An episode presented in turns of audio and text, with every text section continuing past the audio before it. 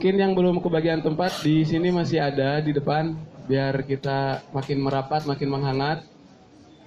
Mungkin juga yang belum pesan silakan pesan biar nanti eh, mas-masnya nggak terlalu bolak-balik. Mau di mana?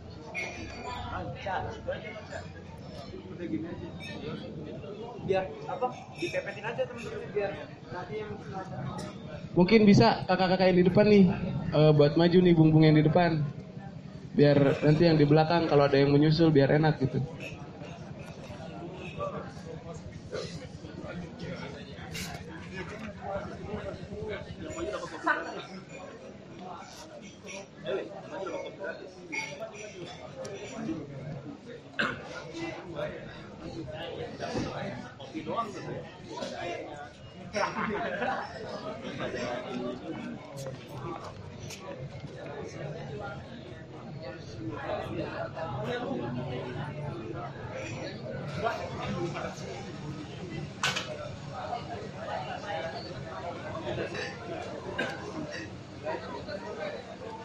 Eh, Assalamualaikum warahmatullahi wabarakatuh.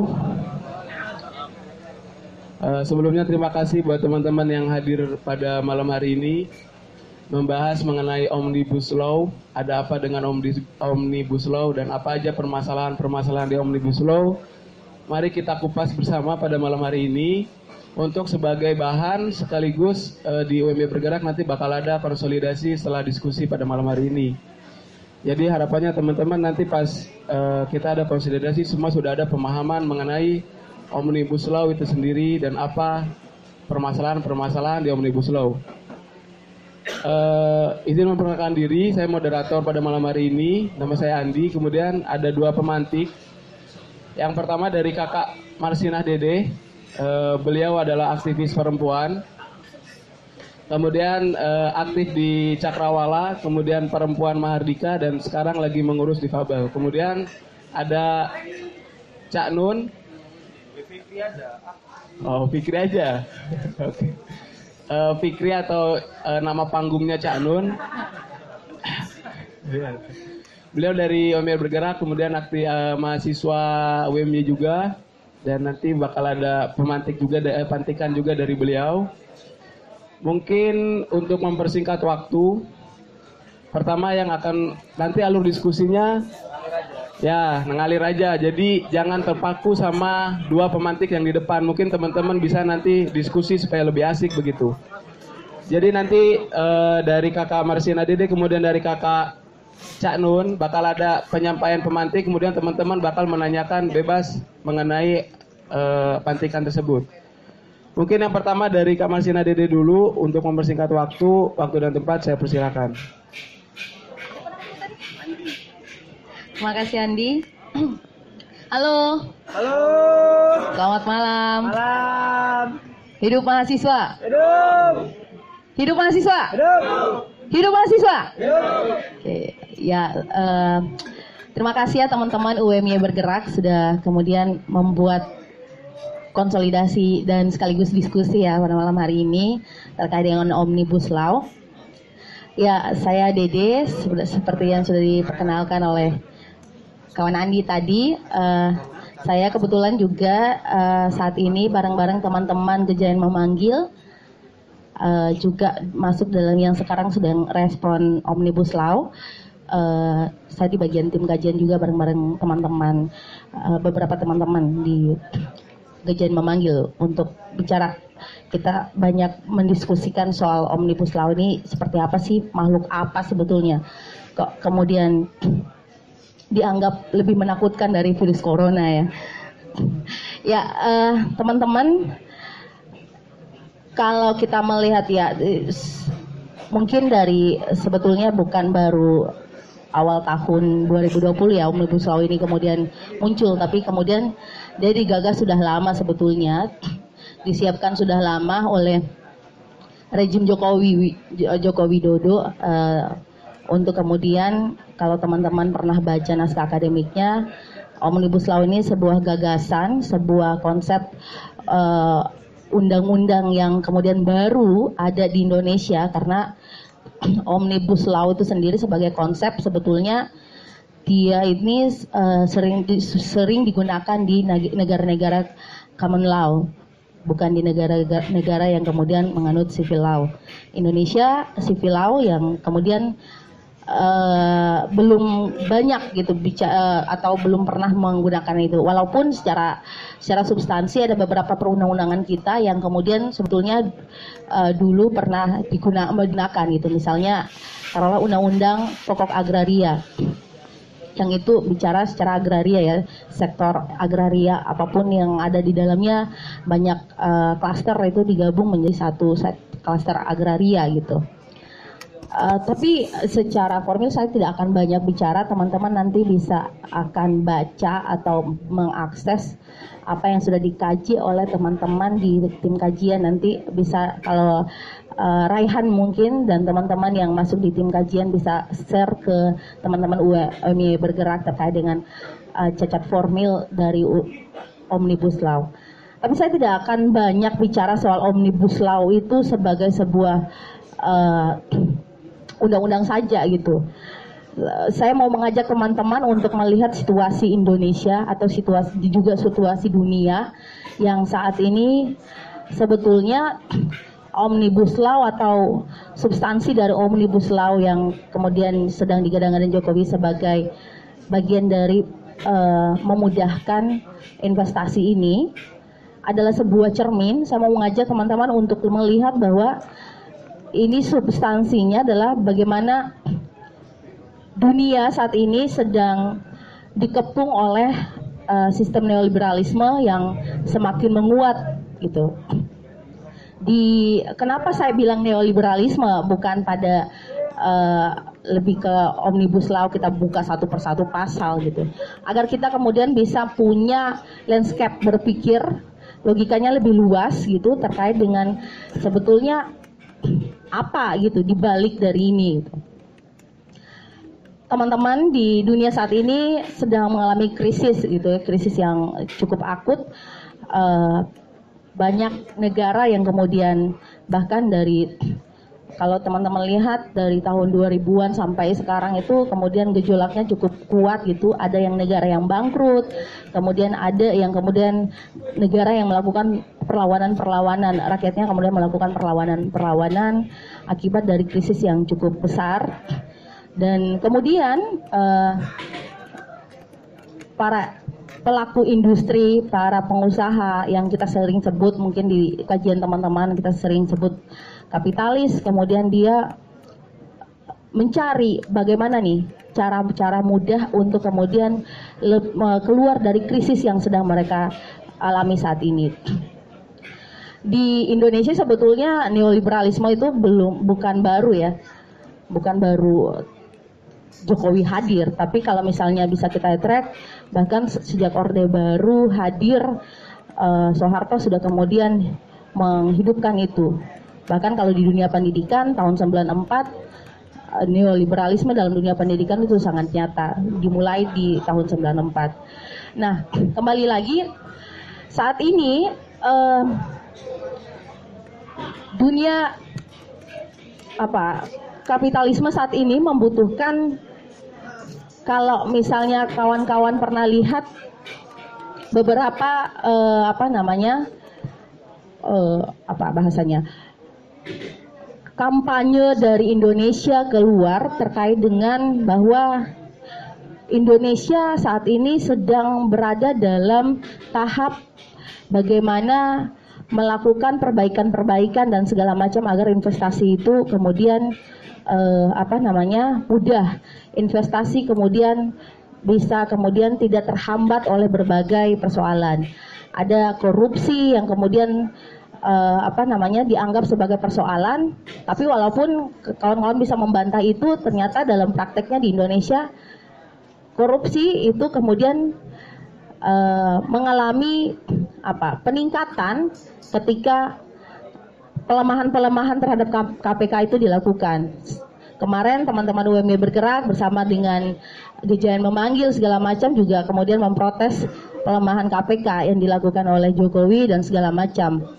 Nah, bahwa ada persoalan korupsi yang kemudian ditakutkan oleh investasi, investor segala macam ternyata dijawab juga oleh uh, apa namanya Indonesia dijawab oleh rejim dengan kemudian melakukan pelemahan terhadap KPK. Ini cukup kontradiksi, tapi itu uh, terjadi. Artinya logika-logika yang dipakai oleh oleh rejim saat ini memang logika yang yang kontradiktif gitu. Yang kedua soal misalnya kampanye di luar oleh Indonesia sering mengampanyekan bahwa ada eh, apa namanya berbagai peraturan perundang-undangan yang akan dibenahi. Jadi ada bahasanya apa namanya mau meng, membuat efisiensi birokrasi. Jadi birokrasi dianggap sebagai sangat berbelit-belit dalam dalam perusahaan, dalam uh, apa namanya berusaha. Jadi kemudahan berusaha itu dianggap sebagai persoalan kemudahan berusaha sebagai persoalan ini kemudian dijawab oleh Jokowi. Teman-teman bisa lihat di rejim pertama, uh, rejim Jokowi di jilid pertama, dia kemudian menderegulasi perda-perda. Ada perda-perda yang dipangkas sekitar 300-an ya sampai 400-an perda yang dipangkas seluruh Indonesia itu yang kemudian dianggap menghambat laju investasi gitu. Nah, tapi 2017, 2018 Jokowi kemudian kembali membuat PP dan apa permen gitu terkait kemudahan berusaha yang kemudian memangkas juga dari uh, sekitar 500 kalau misalnya satu perusahaan itu dia mau berinvestasi ada 500 izin yang kemudian dia keluarkan itu menjadi 200 jadi dia, dia pangkas. Nah, itu pun dianggap belum cukup oleh Jokowi untuk memudahkan uh, apa namanya hadirnya investasi di Indonesia. Saya saya dipanggil kopi kopi. Oke, okay, intermezzo. Ya, um, ya omnibus law pahit soalnya saya agak begini ya capek. Ya um, logika-logika ini sebetulnya teman-teman bisa membantah dari berbagai tadi korupsi kemudian apa namanya birokratisme dan seterusnya. Bukan itu sebetulnya yang dibutuhkan kalau kita mau bicara bicara kritis. Sebetulnya korupsi dibutuhkan rakyat tidak eh, apa pemberantas korupsi dibutuhkan rakyat tidak? Butuh gitu. Tapi kemudian dijawab dengan pelemahan. Kemudian birokratisme dibutuhkan rakyat tidak? Yang birokratisme yang berbelit-belit segala macam itu juga tidak butuh. Karena misalnya kita ngurus misalnya teman-teman ngurus uh, apa namanya KTP dan seterusnya itu juga berbelit-belit segala macam. Sekarang katanya bisa lewat aplikasi udah bisa jadi gitu. Lewat rumah bikin apa namanya KTP bisa jadi. Tapi pembenahan-pembenahan yang dilakukan oleh rejim sebetulnya bukan untuk rakyat. Tapi justru sebaliknya adalah untuk investasi. Sebelum kita masuk bahwa sebetulnya investasi ini kemudian dibutuhkan oleh rakyat atau tidak, saya mau ngajak teman-teman untuk melihat lagi kondisi Indonesia sebelum orang bicara soal gonjang ganjing omnibus law sebagai ketakutan masal kita itu ketakutan ke, apa sesuatu yang berbahaya. Kalau tadi moderator bilang bahwa saya harus menyinggung juga isu perempuan dan isu-isu kelompok rentan saya mau bilang bahwa iya. kondisi perempuan, buruh, uh, pekerja, apa namanya, mahasiswa, kemudian uh, pelajar, kaum miskin kota, petani dan seterusnya tidak baik-baik saja ketika sebelum omnibus law diwacanakan seperti ini. Jadi jangan kemudian kita anggap jadi saya mau mengajak bahwa kita jangan kemudian menganggap omnibus law ini persoalan yang apa namanya satu-satunya masalah kita gitu. Bahwa dia hadir membawa bencana saja gitu. Cuman dia yang membawa bencana tapi sebelum omnibus law ini hadir persoalan kita tidak baik-baik saja. Indonesia sedang tidak baik-baik saja. Teman-teman bisa melihat misalnya kalau di superburuhan teman-teman bisa melihat bahwa ada PHK massal yang terus terjadi di pabrik-pabrik di perusahaan-perusahaan yang kemudian saat ini sedang dan terus berharap bahwa terus melakukan upaya agar efisiensi kos produksi itu kemudian kecil gitu. Jadi ada PHK, upah murah gitu ya. Kalau Jogja berapa upahnya? 1,7 ya. 1,7 gitu ya. Kita disuruh makan angkringan selama sebulan. Jadi apa namanya? Um, apalagi di isu-isu pendidikan misalnya.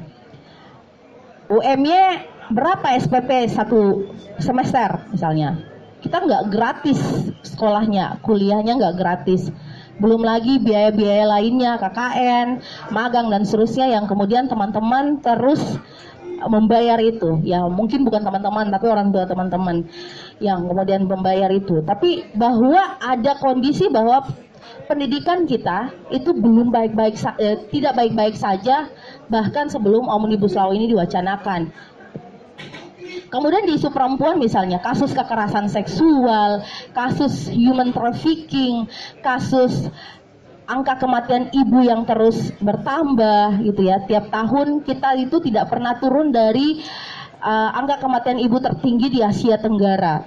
Indonesia itu masih juara satu angka kematian ibu dan bayi. Setiap tahun kita tuh terus bertambah. Bahkan SDGs yang kemudian uh, menjadi jawaban dari lemahnya MDG sebelumnya itu sampai sekarang tidak bisa menjawab persoalan angka kematian ibu dan angka kematian bayi.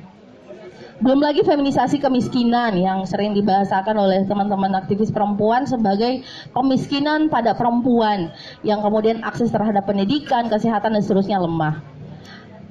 Fakta-fakta ini terjadi bahkan sebelum Omnibus Law ada dan terus terjadi di sektor pertanian misalnya teman-teman bisa lihat banyak petani yang kemudian dirampas tanahnya. Kulon Progo misalnya terjadi, Parangkusumo terjadi. Di, di Jogja saat ini yang kita tempati, rumah-rumah warga yang yang nantinya akan menjadi tanahnya itu sertifikatnya bukan lagi tanah sertifikat uh, pribadi gitu, tapi milik sekelompok monarki.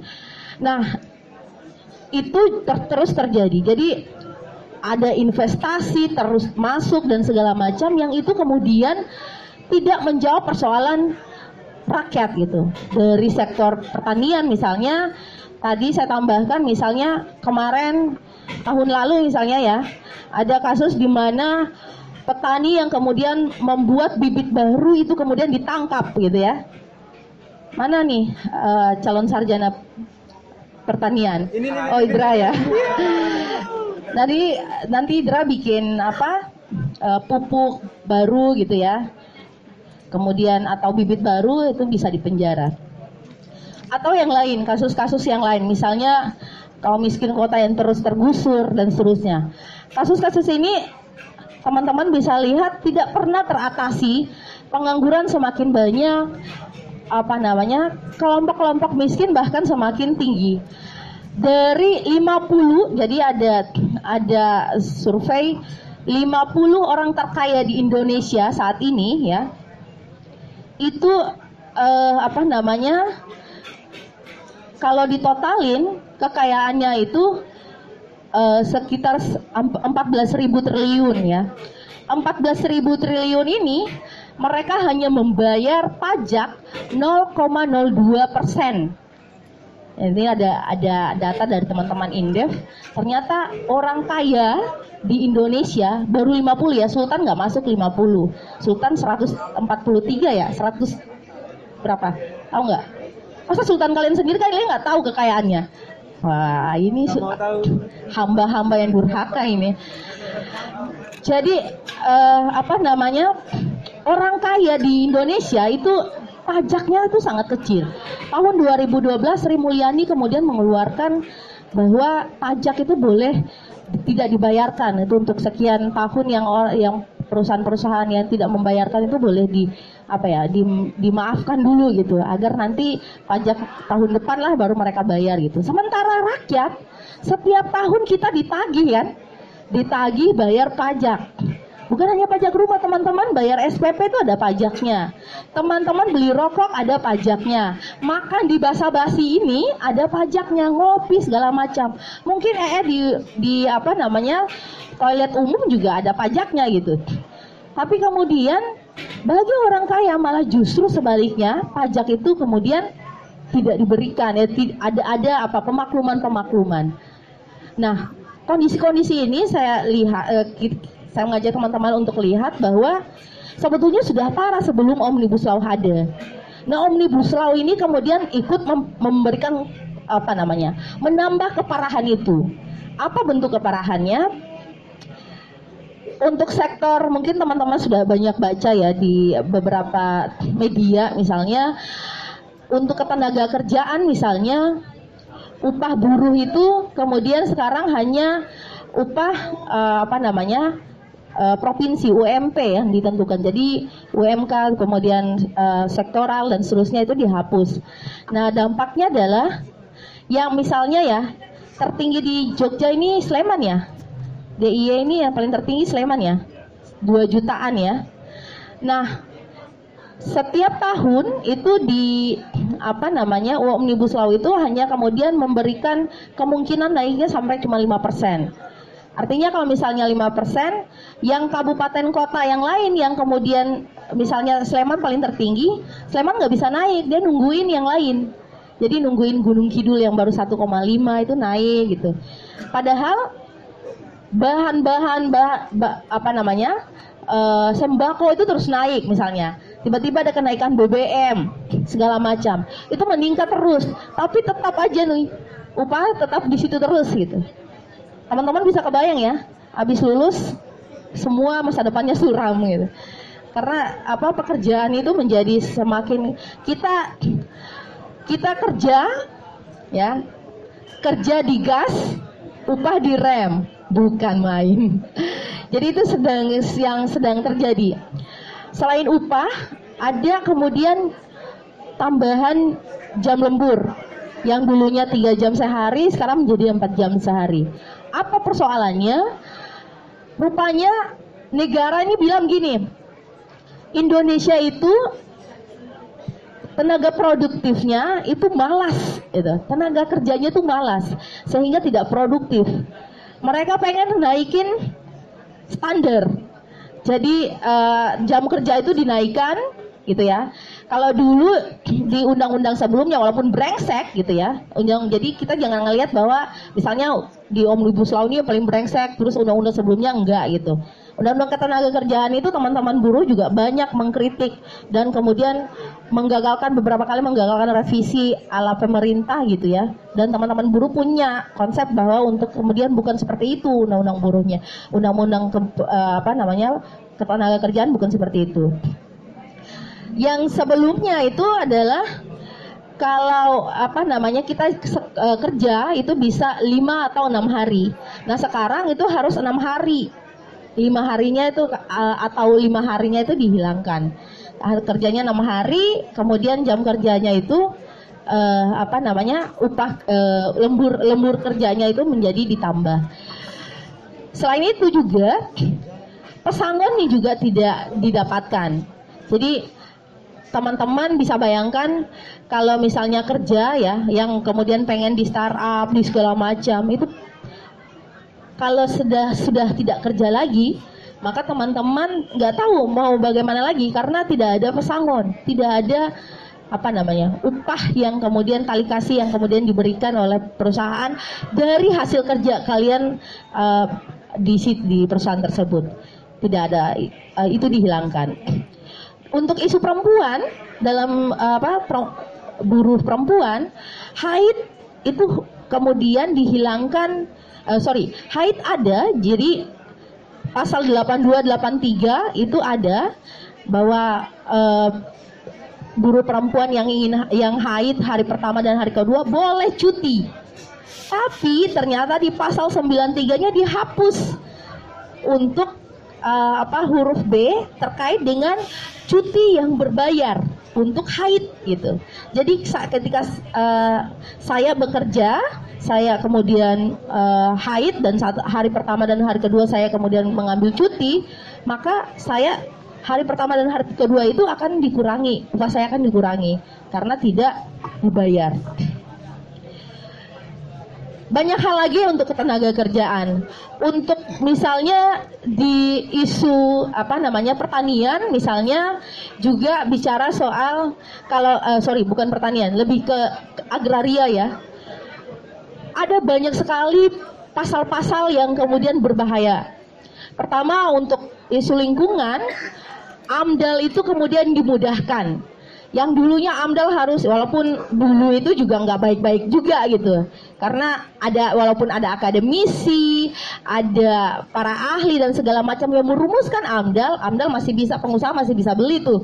Misalnya rektor UMY juga bagian dari menyusun AMDAL bisa dibayar gitu. Atau UGM yang kemarin di apa namanya uh, kasus di Kebumen eh sorry Kebumen. Apa sih? Kendeng itu kemudian juga terlibat dan mereka bisa dibayar gitu. Berpihak artinya berpihak pada pengusaha. Amdal itu dibikin mudah seakan-akan lingkungan tidak ada masalahnya jika pengelolaan semen itu ter, dilakukan di sana. Nah sekarang amdal itu kemudian tidak disusun lagi oleh akademisi justru disusun itu pemrakarsa dalam artian ini pengusaha dan warga yang terkena dampak langsung relevan.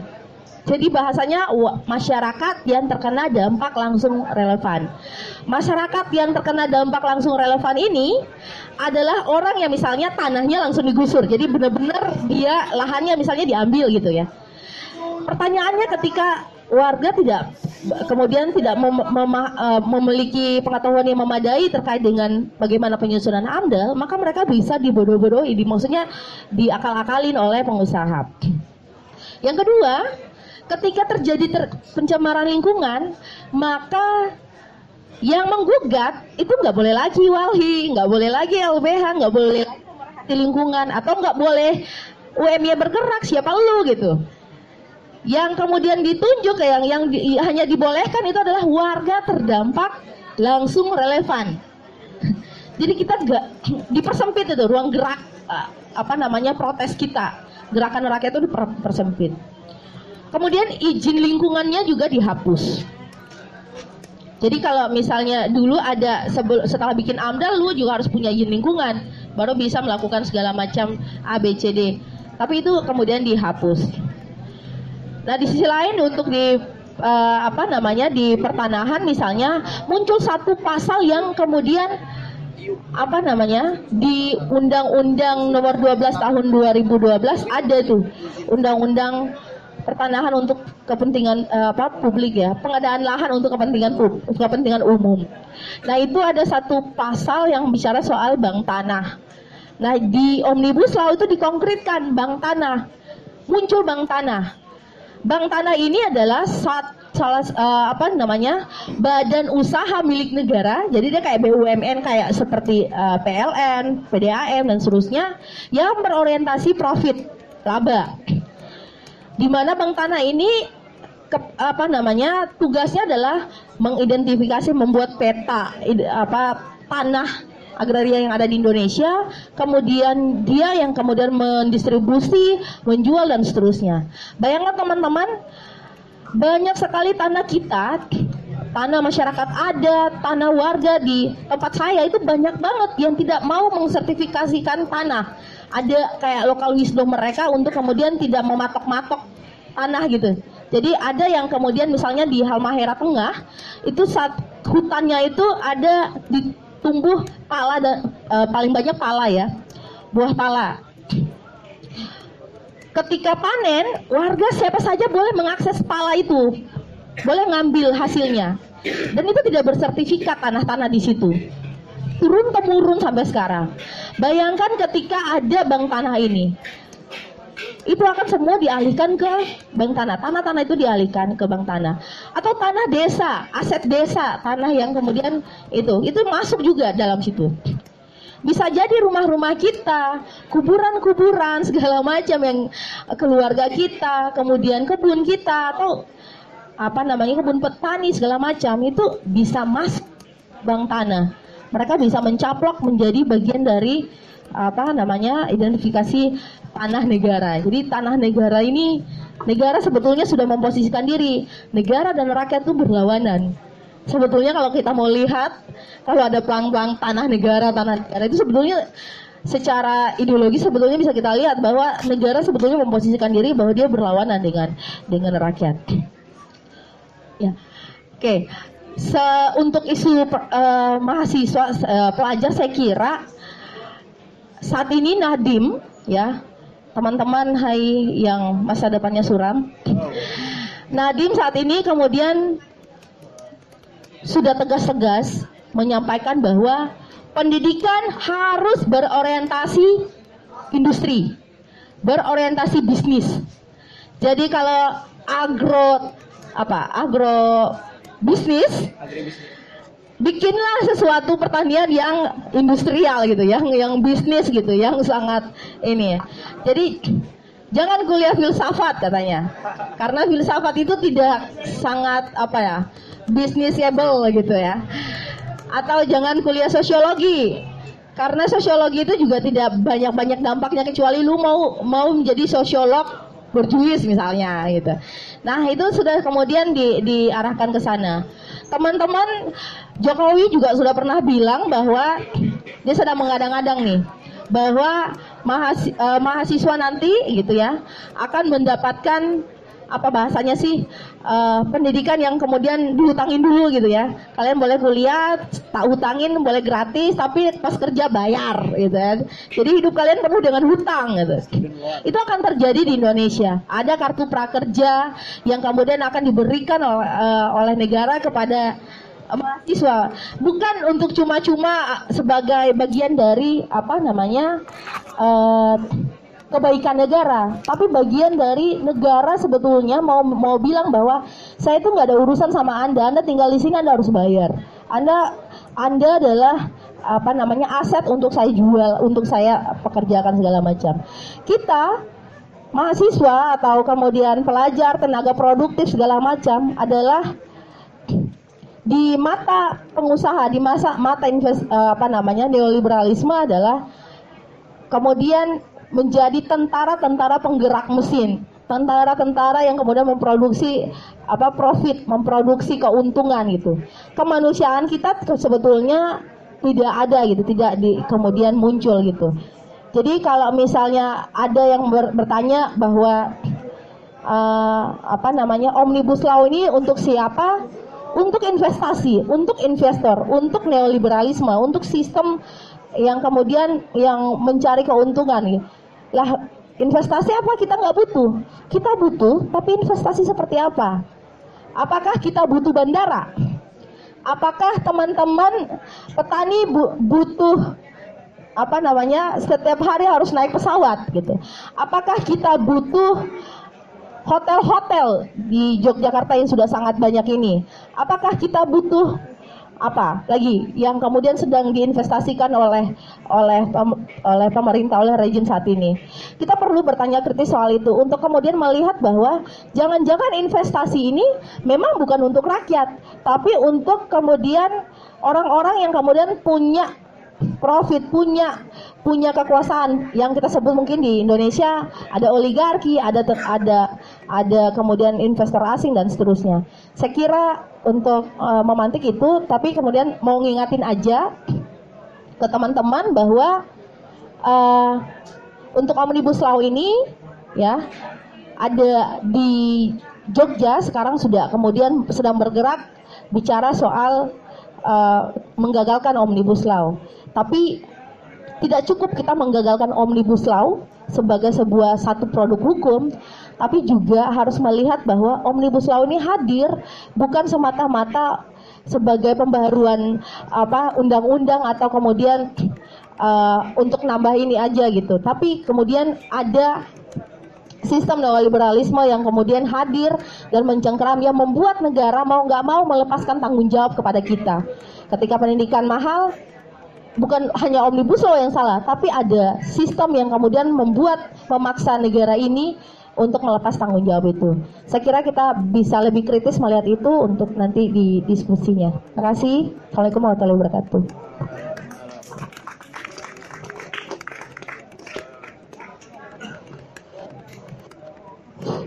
Eh, terima kasih buat Kak Marsina Dede yang menyampaikan sedikit pantikan kepada teman-teman. Jadi diharapkan teman-teman sudah mulai menghangat nih mengenai apa itu Omnibus Law.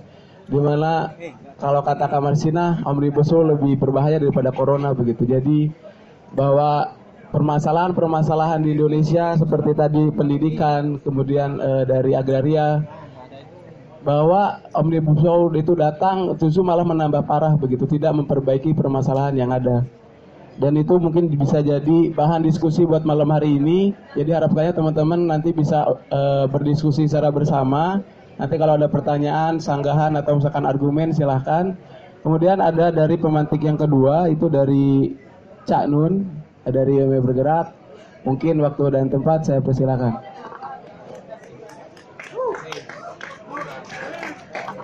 Ya, eh, Assalamualaikum warahmatullahi wabarakatuh. Waalaikumsalam. Eh, salam demokrasi. Eh, mungkin panjang umur buat buruh basa-basi, terus panjang umur buat kawan-kawan pelajar mahasiswa yang hari ini masih terancam jadi korban eh, kapitalisme monopoli. Eh, jadi eh, pertama saya juga eh, masih dalam tahap pengkajian ya mengenai omnibus law sendiri gitu. Cuman eh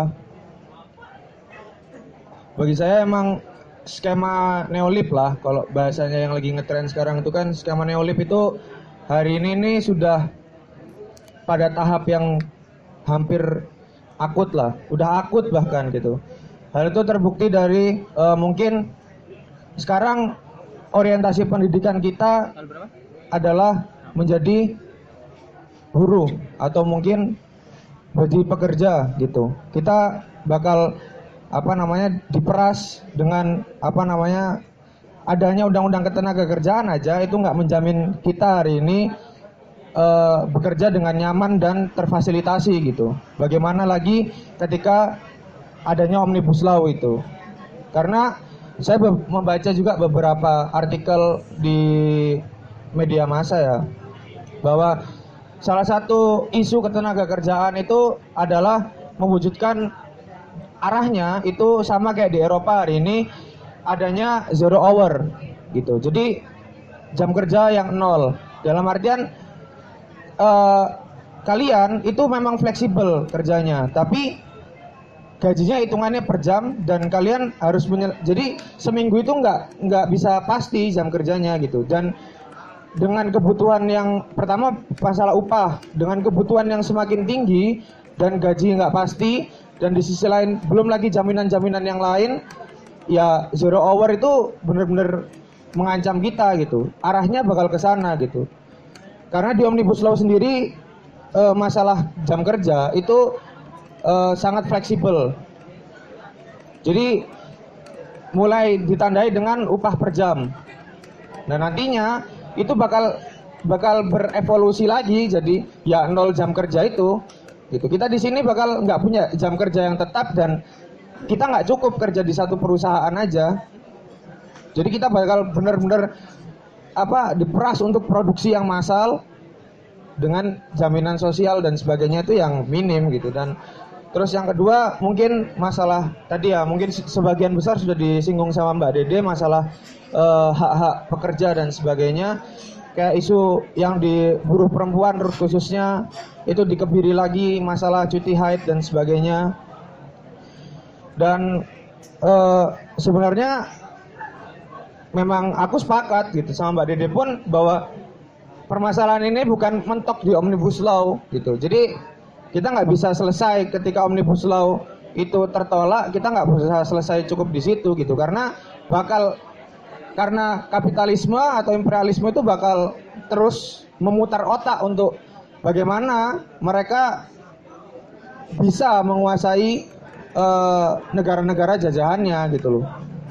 Jadi ke depannya omnibus oke hari ini kita bisa meradikalisasi gerakan dan bakal menolak gitu dan bakal tertolak. Tapi bukan berarti itu selesai. Kalian masih terancam. Belum lagi orientasi pendidikan salah satu buktinya yaitu kampus Merdeka itu Nadiem Makarim itu. Tiga semester kita suruh magang tanpa upah. Itu kan skema buruh murah. gitu. Buru gratis. Iya, buruh gratisan, tiga semester loh kalian magang. Yang dibayar aja di startup ya, startup startup itu udah banyak kalau kalian mainan Twitter tuh ada kok treat-treatnya masalah startup itu. Jadi permasalahan jaminan kayak eh, awareness masalah mental illness dan sebagainya itu perusahaan-perusahaan tuh nggak peduli. Intinya kalian kerja, deadline sesuai deadline, ya selesai gitu. Mereka nggak peduli masalah kesehatan mental, masalah eh, stres dan sebagainya itu mereka nggak peduli gitu. Dan ini mengancam kita semua gitu, bukan hanya kita yang hari ini eh, di sini gitu. Teman-teman mahasiswa yang hari ini sibuk tidur di kos itu besok kerja juga terancam sama aturan-aturan seperti ini itu. Kampus Merdeka dan sebagainya. Jadi aku pikir apa ya? Ya perawanan ini masih panjang lah gitu karena ya masih ada bank sih itu repotnya masih ada IMF gitu kalau IMF udah hancur kita bisa agak maju sedikit lah naik tahapannya kan nah Doanya ngeri. eh, apa namanya karena aku juga lagi ngaji masalah aku masuk di tim, tim kajian juga dan kebetulan lagi mengkaji masalah undang-undang minerba ya. Meskipun belum selesai tapi aku nggak apa-apa lah sampein dikit-dikit. Mungkin nanti sharing aja lah teman-teman yang tahu update-nya atau gimana gitu. Nah tanpa omnibus law nih izin tambang yang ditandatangani sama rezim ini itu tuh eh, sudah menguasai ruang dan waktunya gitu. Terbukti dari ya tadi ikut kajiannya IMM ya. Jadi 2043 itu rat, banyak perusahaan yang udah ngurus izin tambang itu sampai 2043 gitu. Terus dampak lingkungannya adalah di Kalimantan aja mungkin di Kalimantan atau seluruh Indonesia kurang lebih ada 400-an lubang tambang yang hari ini itu perusahaan yang udah buka tambang itu males nutup. Padahal di undang-undang itu juga udah diatur. Masalah istilahnya normalisasi hasil ta- eh no- normalisasi tambang gitu. Terkhususnya batu bara. Karena itu impactnya yang paling besar gitu. Dan korbannya itu ada sekitar 160 orang atau anak di Kalimantan yang meninggal akibat tercebur di lubang bekas tambang dan habis itu dan ya brengseknya lagi pemerintah nggak mem- memberikan sosialisasi gitu betapa bahayanya air-air di tambang itu sehingga pipa-pipa air yang berada khususnya di pedesaan yang ada tambang di situ itu eh nggak apa dikonsumsi warga lah airnya itu. Dan itu pemerintah nggak memberikan sosialisasi.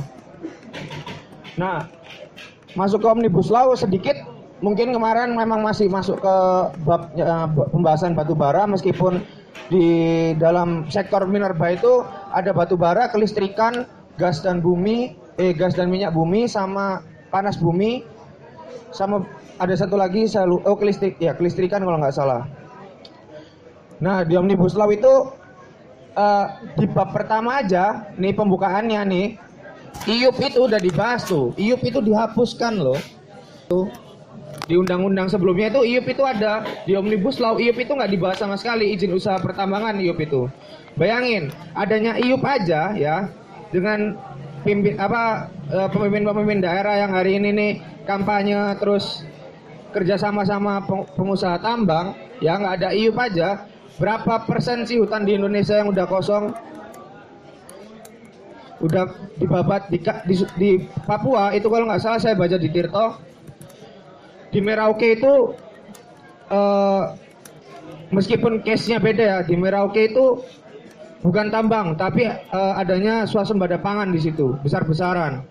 Dengan isunya adalah eh, pembentukan provinsi Papua Selatan. Di situ aja hutan adat di Merauke itu itu udah hampir habis gara-gara eh, kebijakan pem- pemerintah untuk memaksa untuk dari sagu beralih ke istilahnya kalau kita bilang berasisasi lah beralih ke beras, beralih ke tanaman tanah eh, apa makanan-makanan yang kita biasa makan di Jawa gitu. Padahal kan nggak bisa kayak gitu. Dan di sisi lain eh, apa namanya?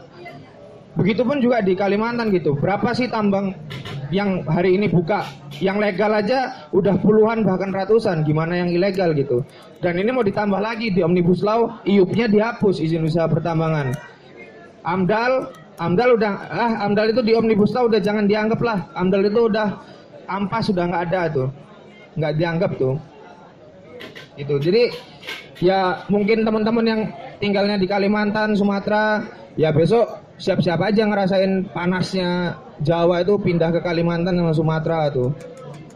Tuh. Karena hutan ya udah jadi tambang.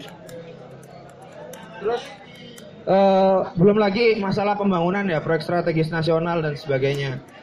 Tadi mungkin sempat disinggung Mbak Dede masalah izin pembangunan lingkungan, eh, izin penetapan lokasi dan sebagainya itu itu juga jadi pembangunan hari ini terus khususnya proyek strategis nasional itu sudah sudah nggak usah lagi memperhatikan yang namanya AMDAL gitu. Jadi kalau IPL-nya keluar ya lanjut gitu. Jadi ya benar memang Walhi sama LBH itu habis ini udah nggak berfungsi lagi gitu. Karena emang ya mau gimana mau ngelawan juga udah lanjut pembangunannya gitu. Cuek. Bendungan benar itu habis ini itu orang-orang Purworejo. Itu ntar omnibus selesai ya warga itu mau demo sampai jungkir balik pun nggak peduli mereka. Yang penting jalan aja pembangunan karena udah ada legalitas hukumnya kendeng pabrik semen itu bakal jalan habis ini dan dan itu nanti bakal mengancam desa teman-teman gitu belum lagi kemarin kalau di kajian tuh sempat ada cuman saya lupa undang-undang eh, pasal berapa dan pembahasan apa intinya yang namanya desa itu hari ini udah nggak ada gitu. Kawasan strategis pedesaan. Apa? Kawasan strategis pedesaan. Ah, kawasan strategis pedesaan. Jadi nama desa itu udah nggak ada nama desa itu. Karena ya secara logika karena logika yang dipakai adalah logika pembangunan. Jadinya ya nggak mungkin pemerintah itu mau bangun bangun pri, ngasih izin pembangunan itu muter di kota di Jogja aja udah merembet merembet minggir minggir kan di kota udah sulit soalnya. Udah mulai minggir ke Bantul, Kulon Progo. Jadi ya mungkin teman-teman yang dari Blora atau mungkin dari mana itu ya terancam habis ini. Desanya udah banyak mall mungkin besok tahun depan atau apa. Kalau omnibus law-nya jadi itu sih. Mungkin eh ya masih banyak sih. Dan penolakan ini bukan aku harap memang sepakat sama Mbak Dede penolakan ini bukan stop di omnibus law tapi ya kalau bisa dinaikin tahapannya ya bagus gitu aja. Mungkin sekian dari saya. jangan malu-malu. jangan lantar diculik lagi. Kan biasanya ada indomie telur di sini. Iya. Mungkin yang intel-intel bisa tanya kayak apa gitu omnibus law? Karena kalian buruh loh gitu. Ya mungkin sekian dari saya pantikannya mungkin ngalir aja kali ya Pak moderator. Eh, Assalamualaikum warahmatullahi wabarakatuh. Salam demokrasi Eh, baik, terima kasih Cak. Mungkin sebelumnya buat kawan-kawan bisa merapat dulu ya ini di tengah biar kelihatan penuh gitu. Jadi biar nggak di samping-samping itu bisa duduk di tengah. Nah, nah, mungkin lanjut itu di di belakang paman tuh. Emang pelopor. Silakan duduk yang di belakang-belakang mungkin yang ngalangin jalan nih, mohon maaf. Bisa pindah ke tengah yang masih kosong. Mungkin itu eh, pantikan dari Mbak Dede kemudian dilanjut sama Cak Nun mengenai Omnibus Law. Ternyata Omnibus, Omnibus Law ini adalah produk yang sangat sektoral gitu. Jadi semua permasalahan itu ada di Omnibus Law dari ketenaga kerjaan, dari lingkungan, dari perempuan, semua itu ada. Jadi harapannya kita bedah bareng-bareng di sini agar Omnibus Law ini tidak eh, istilahnya berlanjut gitu. Mungkin untuk memulai diskusi silakan saya buka tiga pertanyaan pertama. Mungkin silakan dari teman-teman tiga orang penanya pertama mungkin silakan. Satu, ada lagi mungkin dua orang. Tiga orang penanya pertama. Oke, mungkin Bung silakan Bung.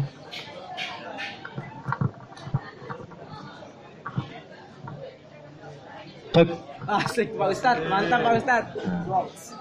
Eh, selamat malam kawan-kawan. Salam. Salam sejahtera buat kita semua. Eh, saya rasa isu ini sangat strategis eh, di Indonesia ya. Dan saya rasa juga kita sebagai mahasiswa yang katanya sebagai orang yang terdidik hari ini, saya melihat banyak yang antipati terhadap hal itu gitu. Bisa lihat di sekitaran kita, ini menunjukkan bagaimana bentuk dari model pendidikan yang diciptakan masih bermental orba, masih melekat kepada banyak uh, individu-individu mahasiswa yang sampai hari ini. Mungkin itu ya. Uh. Kalau omnibus law ini memang bagi saya narasinya cuma sederhana aja bagi saya. Terkait 7% pertumbuhan ekonomi yang World Bank menyuruhkan kepada pemerintahan Jokowi untuk supaya kemudian kamu jangan sampai di middle in trap yaitu pendapatan kelas menengah yang stop di situ yang kau harus meningkatkan hal itu agar bisa seperti demikian maka proses komoditifikasi tanah itu harus dilakukan atau proses komoditif komoditifikasi sumber sumber-sumber agraria itu Nah, uh, kita bisa melihat bahwa wacana ini dibarengi dengan wacana populis bagi saya. Wacana populis soal bagaimana untuk bisa menyerap tenaga-tenaga kerja atau penganggur angka pengangguran terbuka itu bisa terserap atau bisa juga mendatangkan devisa negara. Nah itu wacana-wacana populis ya. Tapi bagi saya bahwa pemerintah Indonesia ini tidak pernah mempelajari bagaimana lembaga-lembaga multilateral ini dalam mempunyai track record besar di dalam proses terjadinya keterpurukan di Indonesia atau di seluruh dunia misalnya. Nah kemudian menerima hal itu, diam-diam menerima hal itu begitu. Dengan kita bisa melihat bahwa angka pertumbuhan ekonomi Indonesia dari tahun di tahun 2019 itu mengalami kemunduran dari targetan sampai tahun berapa ya? 45, 2045 apa 2035. Nah, kemudian untuk untuk bisa mencapai target yang dia mengalami angka yang naik terus, itu dia harus kemudian bisa melakukan yang namanya deregulasi misalnya. Nah, makanya kemudian uh, Omnibus Law ini dimunculkan. Omnibus Law ini dimunculkan untuk bisa mencapai target yang diinginkan sebenarnya oleh World Bank yang punya track record besar dalam krisis-krisis kemudian. Makanya saya bilang isu ini sangat strategis. Saya cuma bisa mengkaji di sektor bagaimana proses pengalih fungsian lahan atau saya membaca tentang bagaimana transisi masyarakat kita ke depan di sana. Saya melihat bahwa ini adalah satu model bahasanya reforma agraria kapitalis ini untuk mencoba untuk masyarakat kita itu uh, model formasi sosial masyarakat kita ini menjadi kapitalisme maju di sana. Tetapi dia tidak melihat ada satu narasi eh, ada satu bentuk di dalam model formasi sosial tersebut yang sangat menyedihkan bagi kita. Nah, untuk sampai ke sana maka dia harus lakukan hal-hal yang kira-kira sangat apa ya, sangat membahayakan soal bagaimana kemudian uh, proses yang pada intinya begini. Dia ini undang-undang ini kan bagi saya, bagi saya secara pribadi dia cuma ingin kemudian bagaimana investasi itu dimasifkan, komoditifikasi tanah itu terjalan dengan masif di sana. Itu memang tujuan harapan besarnya ini bagi saya. Saya bisa saya mendapat Jadi saya melihat bahwa kita bisa melihat hak pengelolaan misalnya di dalam omnibus law ini, HPL itu di situ bisa bisa diberikan kepada badan usaha milik daerah dan badan hukum yang lain gitu. Sampai ada proses yang namanya ada apa pen, pendanaan dari pihak ketiga. Artinya jelas di sana ada pendanaan da, dari pihak ketiga yang nantinya dijalankan oleh bank tanah di sana.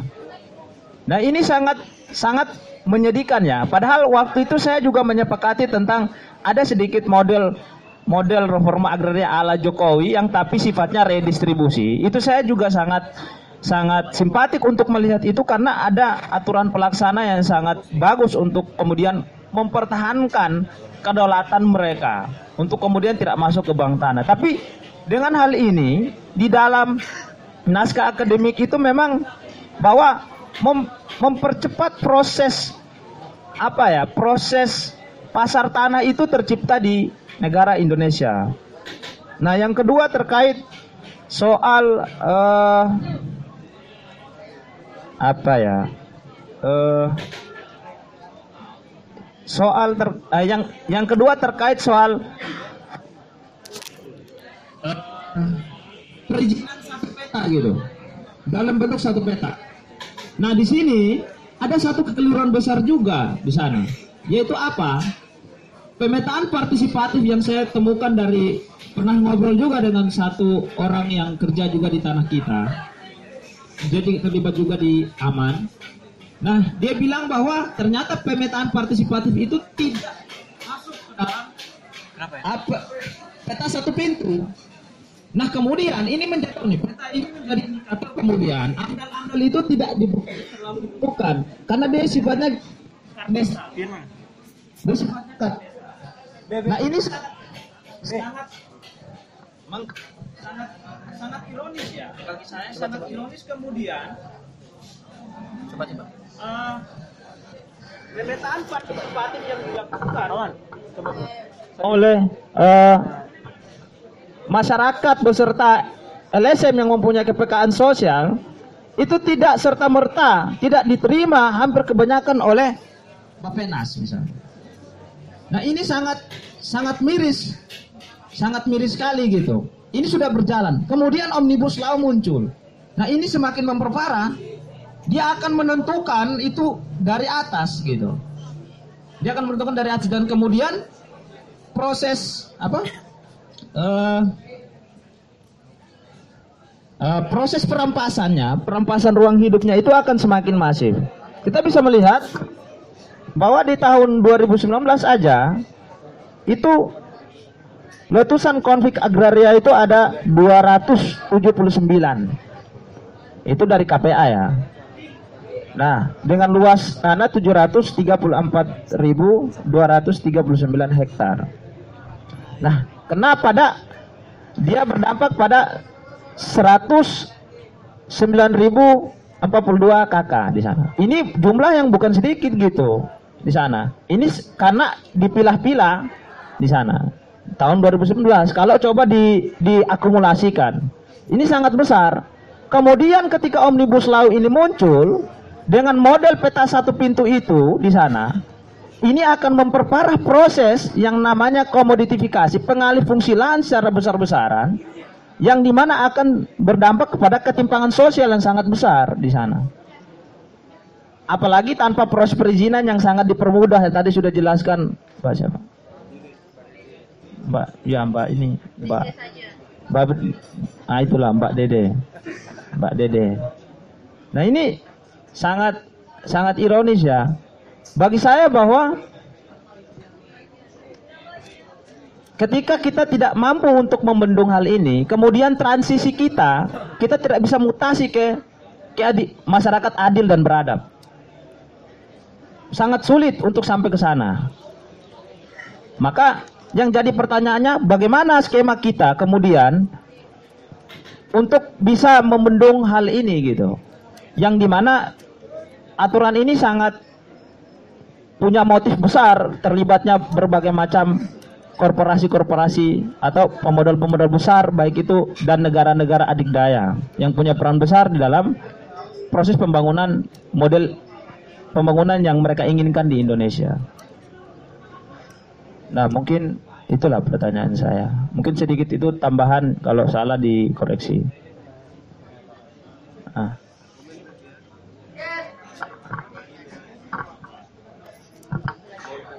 Ada lagi mungkin buat kawan-kawan yang lain? Oke, silakan, Bung.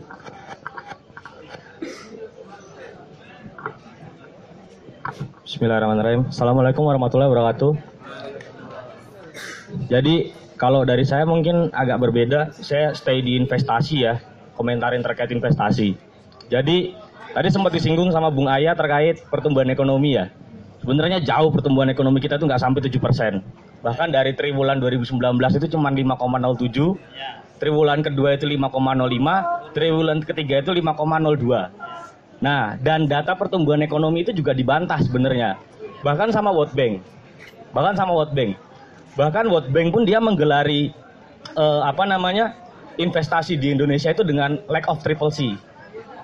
Lack of capability, lack of certainty dan dia dan lack of compliance. Jadi ada ketidakpastian, ada kekurangan kredibilitas dan ada ketidakpatuhan dalam iklim investasi di Indonesia. Jadi kalau saya sebelum masuk ke teknis omni, omnibus law ya, yang tadi teman-teman banyak bahas, saya coba pakai teropong eh, pendekatan pendapatan nasional empat sektor. Jadi itu kan rumusnya kan Y sama dengan C, G, konsumsi ditambah belanja pemerintah ditambah investasi dalam tanda kurung eh, apa namanya ekspor dikurang impor. Jadi memang segala macam cara dari periode pertama Jokowi itu sudah dilakukan. Dari segi konsumsi memang kita diajar habis-habisan. Jadi daya beli masyarakat itu memang turun. Kenapa turun? Karena milenial sekarang itu saving. Jadi untuk karena harga harga harga tanah semakin mahal, karena harga kebutuhan semakin mahal, oleh karena itu daya beli menurun. Bahkan sempat juga walaupun diviralkan kajian dari Renal Kasali eh, yang menyatakan bahwa tentang apa namanya ekonomi disrupsi, bahwa ada peralihan secara psikologis perpindahan belanja belanja manusia di Indonesia itu dari konvensional ke eh, elektronik, ke online itu sebenarnya sama saja. Tetap belanja pemerintah, tetap apa namanya konsumsi dari sektor konsumsi kita kehajar. Bisa dilihat data realnya teman-teman. Sedangkan dari komponen G, government pendapatan pendapatan belanja pemerintah, selama belanja pemerintah itu didasarkan oleh hutang, itu istilahnya kita defisit. Defisit. Oleh karena itu walaupun sempat digulirkan di periode pertama Jokowi terkait teks amnesti itu juga tidak mencapai target. Ya kan? Kalau dari segi sektor eh, ekspor dan impor kita tahu sebenarnya kita kita banjir impor dalam dua dalam periode pertama Jokowi sampai sekarang. Nah, sekarang yang akan coba dimaksimalkan adalah sektor investasi. Nah, sebenarnya eh, apa namanya? Saya baca dari suatu ini, suatu artikel dari ekonom di UI, unik sebenarnya. Banyak yang meragukan data pertumbuhan ekonomi Indonesia. Nah, bila ada klaim pada triwulan ketiga 5,02 sebenarnya itu ditolak sama beberapa ekonom. Cuman sayangnya tidak tidak tidak tidak keluar gitu loh kajiannya. Sebenarnya cuman berada di kisaran 4,7. Nah, kenapa dipalsukan data tersebut sebenarnya itu untuk menjaga iklim in- investasi dari luar ke Indonesia. Itu untuk menjaga iklim investasi dari luar ke Indonesia. Ini pernah dilakukan sama India. India klaimnya pertumbuhan ekonominya itu 7%. Tapi sebenarnya cuma 4% untuk menjaga iklim investasi. Makanya unik sebenarnya banyak media-media dari luar sebenarnya mengkritik pertumbuhan ekonomi kita. Oleh karena itu mungkin di periode kedua Jokowi ini ingin ingin meng- menge- me- apa namanya memaksimalkan sektor investasi. Cuman pertanyaannya juga unik sebenarnya. Investasi macam apa sih? Tadi saya sepakat sama Mbaknya. Sebenarnya karena apa? Eh apa namanya? Investasi yang masuk ke Indonesia ke depannya yang tidak memperhatikan hukum bisnis, yang tidak memperhatikan ek- ekonomi apa? Tidak memperhatikan eh, penegakan penegakan keadilan di dalam negara tersebut itu hanya akan menciptakan apa namanya spekulasi. Oleh karena itu sebenarnya eh, saya juga bertanda tanya sebenarnya terkait omnibus law ini. Karena dengan dengan dengan dengan adanya omnibus law itu sebenarnya investor menuntut satu sebenarnya kepastian. Selain selain kepastian dia juga jaminan terkait keuangan. Cuman dengan lemahnya KPK ini sebenarnya unik juga dengan lemahnya KPK. Itu kan sebenarnya juga mengganggu psikologis investor secara langsung. Oleh karena itu sebenarnya investor macam apa sih yang bakal hadir? Makanya ini kayaknya preman gitu loh kalau menurut saya Mbak ya, preman. Di sisi lain juga mungkin juga dengan adanya omnibus law itu akan menciptakan para pemburu rente. Yang mungkin teman-teman tahu kan isunya belakangan ini bahwa Indonesia statusnya itu sudah naik menjadi negara maju. Ya kan? Dan otomatis privilege sebagai negara berkenja, berkembang, pajak dan segala macam itu akan dihilangkan. Kalau menurut mungkin banyak ya teman-teman yang lain yang menganggap kenaikan status itu sebuah sebuah apa namanya sebuah kenaikan derajat bagi saya enggak. Karena kita belum sampai di tataran seperti itu. Nah, untuk dari sektor ketenaga kerjaan, aku dapat apa namanya data dari SGD-nya Unpad. Ini unik sebenarnya. Dibilang bahwa di era milenial, di era milenial sekarang, bentar, itu menyatakan bahwa 45% milenial di Indonesia itu bekerja di luar keahlian. Itu bekerja di luar keahlian. Ini sebelum sebelum sebelum ditetapkannya ditetapkannya ombudsman ya. Dan 18% itu bekerja pada lapangan pekerjaan yang tidak ada keterkaitan dengan latar belakang pendidikan. Makanya juga timbul pertanyaan sebenarnya, apakah Omnibus Law ini dapat mengatasi masalah struktural ini apa enggak? Karena mengingat kita tahun 2000, 2024 ya, itu akan mengalami bonus demografi. Sebenarnya Jokowi panik. 2004 dimulai dari 2024. Makanya aku melihat Jokowi sebenarnya di sini panik dengan membludaknya tenaga kerja, otomatis juga akan eh, pemerintah dituntut untuk menyediakan lapangan pekerjaan. Cuman sebenarnya kalau cuma lapangan pekerjaan kan sebenarnya ya kita juga harus melihat dari kualitas lapangan pekerjaan tersebut. Selama ini kita lihat di startup. Startup juga banyak yang muncul sebenarnya industri yang sebenarnya tidak butuh banyak keahlian. Pertama itu kalau di startup. Sedangkan sedangkan yang di sisi lain juga dengan data yang di- di- dirilis sama SDG-nya Unpad tadi, otomatis ya banyak banyak tenaga kerja yang istilahnya terserap tapi tidak sesuai bidang. Oleh karena itu, ya terkait omnibus omnibus law ini setelah beberapa setelah dari periode pertama pemerintahan Jokowi mencoba menggenjot konsumsi yang gagal, mencoba menggenjot belanja pemerintah dengan menarik pajak, dengan teks amnesti juga gagal, dengan ekspor impor juga jebol, makanya jalan satu-satunya itu dari investasi. Makanya ya kalau dari saya pribadi agak unik juga sih sebenarnya investor macam apa yang diincar sebenarnya. Investor macam apa sebenarnya? Karena ya kalau dia tidak menuruti etika bisnis di sini, tidak menuruti hukum yang berlaku di sini, tidak tidak mentaati hukum bisnis yang ada di sini, ya itu preman pasti investornya. Mungkin kalau dari saya tambahannya itu aja sih.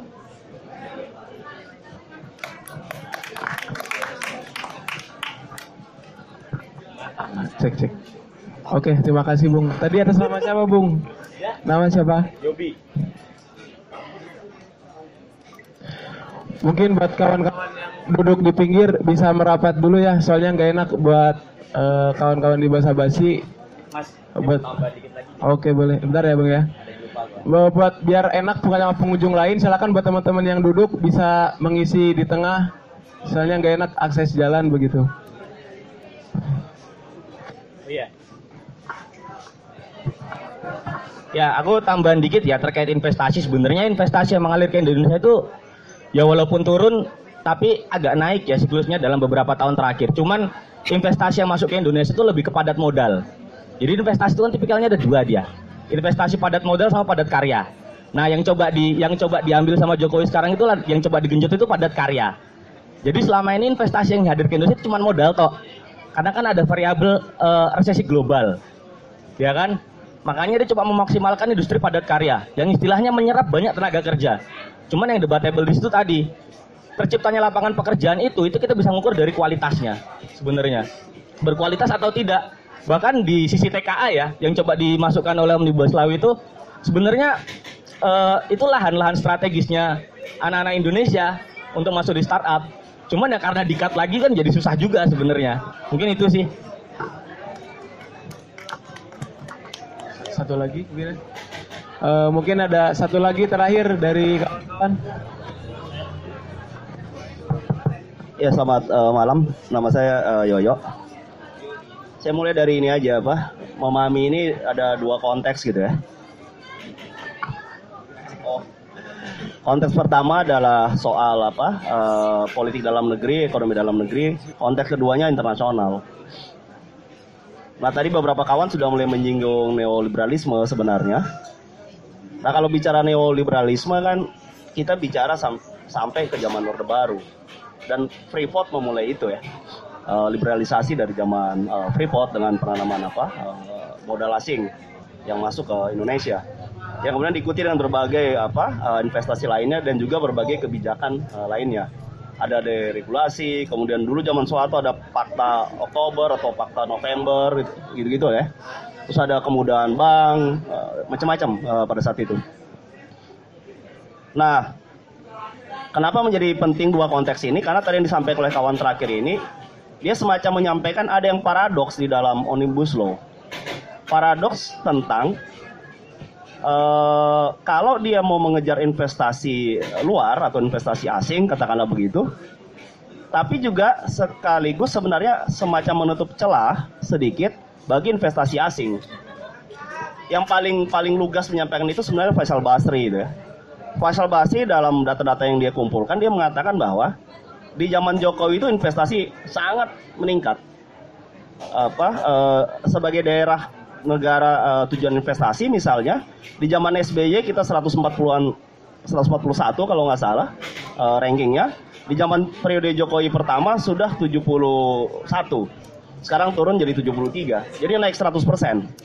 Makanya Faisal bilang sebenarnya nggak ada masalah eh, tentang investasi di Indonesia itu nggak ada problem itu loh. Seluruh hal yang memungkinkan investasi datang ya sudah dilakukan oleh eh, oleh Jokowi. Cuma itu kalau hanya melihat dari sudut pandang konteks global. Tapi kalau melihat dalam konteks dalam negeri, Omnibus Law ini menjadi lebih masuk akal. Maka saya termasuk orang yang meyakini Omnibus Law sebenarnya dorongan dari para pengusaha dalam negeri. Para pengusaha dalam negeri yang diwakilkan melalui Apindo dan eh, Kadin yang dalam konteks persaingan global hari ini dia nggak mampu lagi bersaing secara global. Jadi para pengusaha kita tuh nggak kompetitif dalam bisnis. Dan aku pikir kawan-kawan kalau yang mempelajari itu, misalnya kalau yang membaca oligarki atau menelusuri eh, apa pandangan-pandangannya Fedi Hadis misalnya gitu ya, atau membaca pandangan-pandangannya si siapa misalnya Jeffrey Winters. uh, Jeffrey Winters misalnya tentang bagaimana struktur masyarakat kita dan juga bagaimana bisnis di dalam negeri ini bekerja, maka kita bisa memahami bahwa bisnismen Indonesia dan bis- businesswoman Indonesia ini sebenarnya tidak kompetitif karena dia tidak dilahirkan dari persaingan bebas. Konglomerasi yang ada di Indonesia menjadi muncul dan membesar karena difasilitasi oleh negara, terutama dari zaman Orde Baru. Dan sampai sekarang, Makanya kita nggak aneh bagaimana seorang Jokowi bisnis mebel harus berpolitik. Dengan cara begitulah dia bisa mengembangkan bisnisnya. Anaknya yang ikut kan sekarang? Ya, i martabak. Martabak. Harus berpolitik. Wah itu kan kecil-kecilan. Ya kata siapa? Sandiaga itu bisnis besar. Ikut juga dalam politik. Surya Paloh, Yusuf Kala. Kita sebut aja nama-nama itu. Dia harus masuk di dalam politik karena di dalam eh, sejarah secara historis perkembangan eh, industri Indonesia, perkembangan eh, para pengusaha Indonesia, dia di backup oleh negara agar bisa kompetitif, agar bisa bersaing dengan kompeti- kompetitor mereka yang datang dari eh, luar negeri, dari asing gitu ya, katakanlah begitu. Nah, saya termasuk orang yang meyakini Omnibus Law ini dorongannya terutama dorongan dalam negeri. Di tengah situasi krisis yang makin parah, resesi yang sudah eh, parah, bahkan sekarang sudah sampai ke Hong Kong, eh, resesi itu selain ada Libanon, ada Argentina, Irak gitu ya. Kalau Venezuela lain konteks. Dan eh, seterusnya masuk ke Indonesia. Nah, ketika masuk ke Indonesia di tengah juga pasar yang dibuka luas karena ini bagian dari liberalisasi, bagian dari globalisasi, para pengusaha kita harus bersiap menghadapi situasi itu kan. Caranya bagaimana? Caranya adalah melindungi seluruh kepentingan mereka dalam bentuk regulasi tadi. Izin yang misalnya kayak gini, Tempo bahkan itu dia mengulas Omnibus Law adalah karpet merah bagi pengusaha tambang. Iya kan? Di majalah Tempo dan di eh, koran Tempo. Dia nggak menyebut pengusaha tambang luar negeri loh ya. Pengusaha tambang karena ada tujuh perusahaan tambang besar Indonesia yang hari ini akan habis izinnya. Yang harusnya melalui undang-undang yang lama, tujuh perusahaan tambang yang akan habis akan mengembalikan tambangnya ke pemerintah. Akan dikelola oleh BUMN. Tapi dengan Omnibus Law, maka mereka dapat pintu untuk melanjutkan usaha tambangnya. Bahkan tanpa batas, karena di Omnibus Law dikatakan sampai kering istilahnya tuh. Sumber daya alam bisa dieksplorasi dan eksploitasi sampai sampai habis. Dia sebut berapa? 40 tahun ya? Empat- berapa tahun, berapa tahun, tapi ada kata-kata juga sampai habis. 90 tahun. 90 tahun ya. Sampai neraka itu dalamnya itu. Jadi ini adalah dorongan dari dari dalam supaya dia bisa bersaing katakanlah dengan situasi di luar di mana secara secara real kapasitas mereka tidak cukup. Misalnya dalam contoh saingan modal misalnya. Pengusaha-pengusaha kita nggak punya modal yang cukup. Secara teknologi semua kita sudah tahu, bahkan Jokowi aja ngerti banget, makanya dia marah. Kenapa eh, pacul aja kita masih impor? Ya kan, pacul aja kita masih impor gila-gilaan. Nah, jarum pentul aja kita nggak punya teknologinya. Jadi jarum yang kita pakai, jarum pentul itu yang kelihatannya sederhana itu, kita nggak punya teknologinya. Teknologinya masih impor. Kalau kata Kompas, 92% teknologi yang beredar di Indonesia adalah teknologi impor. Jadi modal nggak punya, teknologi nggak punya, nggak punya kapasitas manajerial. Kenapa nggak punya kapasitas manajerial? Karena tahunya cuma KKN di dalam bisnis, gitu ya. Kemudian nggak punya juga kapasitas sumber daya manusia yang unggul, harus berhadapan dengan dunia global di tengah situasi krisis. di tengah situasi krisis. Maka caranya adalah memperlebar, memperdalam eksploitasi sumber daya alam sekaligus tenaga kerja. Agar mereka masih punya dapat sedikit keuntungan dan bisa survive sebagai eh, pengusaha katakanlah begitu. Dia harus eksploitasi lebih dalam. Dan itu bisa kita urut. Rumuskan cuma itu aja dipermudah segala-galanya buat mereka, sekaligus eksploitasi rakyat dan sumber daya alam. Eksploitasi rakyatnya lewat fleksibilitas tenaga kerja, sistem kerja terus sehingga besok masa depan kawan-kawan yang masih muda adalah kerja kontrak, nggak bisa lagi jadi pegawai tetap. Bahkan di pegawai negeri sekarang sudah dikenalkan istilah pegawai kontrak. Dan sekarang pegawai negeri dibuka juga tuh. PNS yang statusnya kontrak. Jadi kalau besok kita ketemu polisi, kita tanya dulu, Pak polisi ini Bapak polsek apa outsourcing? Jangan-jangan outsourcing polisinya. Seperti satpam kan, satpam kan outsourcing. Ada nih di sini. Ya bisa outsourcing, jadi intelijennya outsourcing gitu loh. Polisi untuk outsourcing, tentara outsourcing. Jadi fleksibilitas tenaga kerja, upah murah, jam kerja yang panjang, itu eksploitasi tenaga kerjanya. Eksploitasi sumber daya alamnya tadi yang sudah dijelaskan kawan-kawan semua izin yang menghambat eksploitasi uh, sumber daya alam dihilangkan. Ya cuma itu aja. Plus mereka dapat semua keringanan kalau membaca omnibus law perpajakan. Kalau yang kawan-kawan bahas tadi kan mencipta lapangan kerja yang cilaka. Kalau yang perpajakan, seluruh pajak korporat, pajak individu-individu pengusaha juga diturunkan. Jadi mereka pajaknya diturunkan sedemikian rupa, tetapi bagi rakyat selain dieksploitasi, pajaknya malah makin naik. Makanya kalau ini mau disimpulkan, apa arah kita kemudian ke dalam perjuangan melawan uh, neoliberalisme yang salah satunya adalah omnibus law adalah kalau bagi saya, saya meng menganjurkan sebuah hashtag itu ada pukul balik neolib. Mulai mempopulerkan bahwa kita nggak cuma melawan omnibus law, kita juga harus berhadapan dengan neolib dan memukul kembali neolib untuk jauh dari Indonesia. Maka saya mengusulkan ada hashtag baru selain tolak omnibus law, gagal omnibus law, pukul balik neolib. Pukul balik itu pengertiannya secara sederhana adalah seluruh hak istimewa para pengusaha dan pejabat negara itulah yang harusnya dikurangi, bukan kesejahteraan rakyat. Jadi pajak pengusaha jangan diturunkan, justru ditambah. Gaji pejabat jangan dinaikin dong. Kan gila BPJS. Naik iuran 100% bersamaan dengan direksinya juga dinaikin gajinya. Alasannya defisit. Ini kan menghina akal sehat. Lo kalau defisit ya lo jangan naik gaji dong. Kalau naik gaji iuran kami ditambah 100%. Kemudian Jokowi punya BMW atau Mercy terbaru untuk mobil kepresidenan. Katanya kita nggak punya duit, tapi seluruh kemewahan itu, seluruh fasilitas yang nggak masuk akal itu, Ahok sebagai komisaris utama Pertamina 3,2 miliar per bulan. Masuk akal nggak sih? Gimana ada orang pendapatan 3,2 miliar di Pertamina, sementara mereka yang kerja di SPBU itu gajinya di bawah UMP? Nggak masuk akal. Nggak masuk akal sama sekali. Garuda Indonesia komisarisnya 3,2 miliar juga yang kemarin ribut-ribut gara-gara pemalsuan laporan keuangannya. Sementara yang namanya pramugari Garuda kita tahu yang mereka kemarin muncul di mereka ngomong secara betul jadi pramugari di Garuda. Jadi pukul balik neolib pengertiannya adalah sebagai pengertian yang sederhana saja karena ini adalah forum gerakan gitu ya bukan forum akademis kira-kira ya seluruh hak istimewa mereka kita rebut hak istimewa para pejabat negara dan hak istimewa hak istimewanya korporat jangan hak rakyat yang dipangkas jadi misalnya tolak omnibus law plus naikkan pajak bagi pengusaha. Tolak omnibus law plus potong gaji pejabat. Dan seterusnya. Supaya ada pengertian di rakyat bahwa perjuangan kita ini perjuangan untuk merubah keadaan. Bukan perjuangan sekedar mempertahankan keadaan yang sudah buruk. Kalau nolak law itu kan perjuangan mempertahankan keadaan aja. Ini keadaan udah buruk, kita nggak pengen jadi lebih buruk. Kan begitu. Pilih iblis atau pilih setan gitu kan. Kira-kira kan.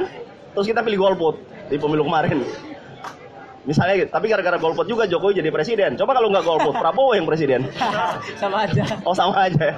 Jadi aku pikir arah gerakan sekarang kalau boleh aku mengusulkan adalah pukul balik neolib. Jadi perspektif ideologis politiknya adalah kita berhadapan dengan neoliberalisme. Dan itu bahasa yang sudah umum di seluruh dunia. Hari ini kawan-kawan lihat Chili, lihat Libanon, itu semua bicara soal perlawanan terhadap neoliberalisme. Yang sebab-sebabnya mirip sekali dengan Indonesia. Di Chili cuma kenaikan 10% transportasi bawah tanah, membuat rakyatnya berontak. Di Prancis yang mogok berbulan-bulan itu hanya karena uang pensiunnya diutak-atik sama pemerintah. Di kita semuanya dan kita masih diam. Loh kita semuanya, woy. apa yang nggak dirampas dari kita hari ini? Semuanya, termasuk semangat kan? Semangat kita mau dirampas oleh Baser. 73 miliar bayar Baser.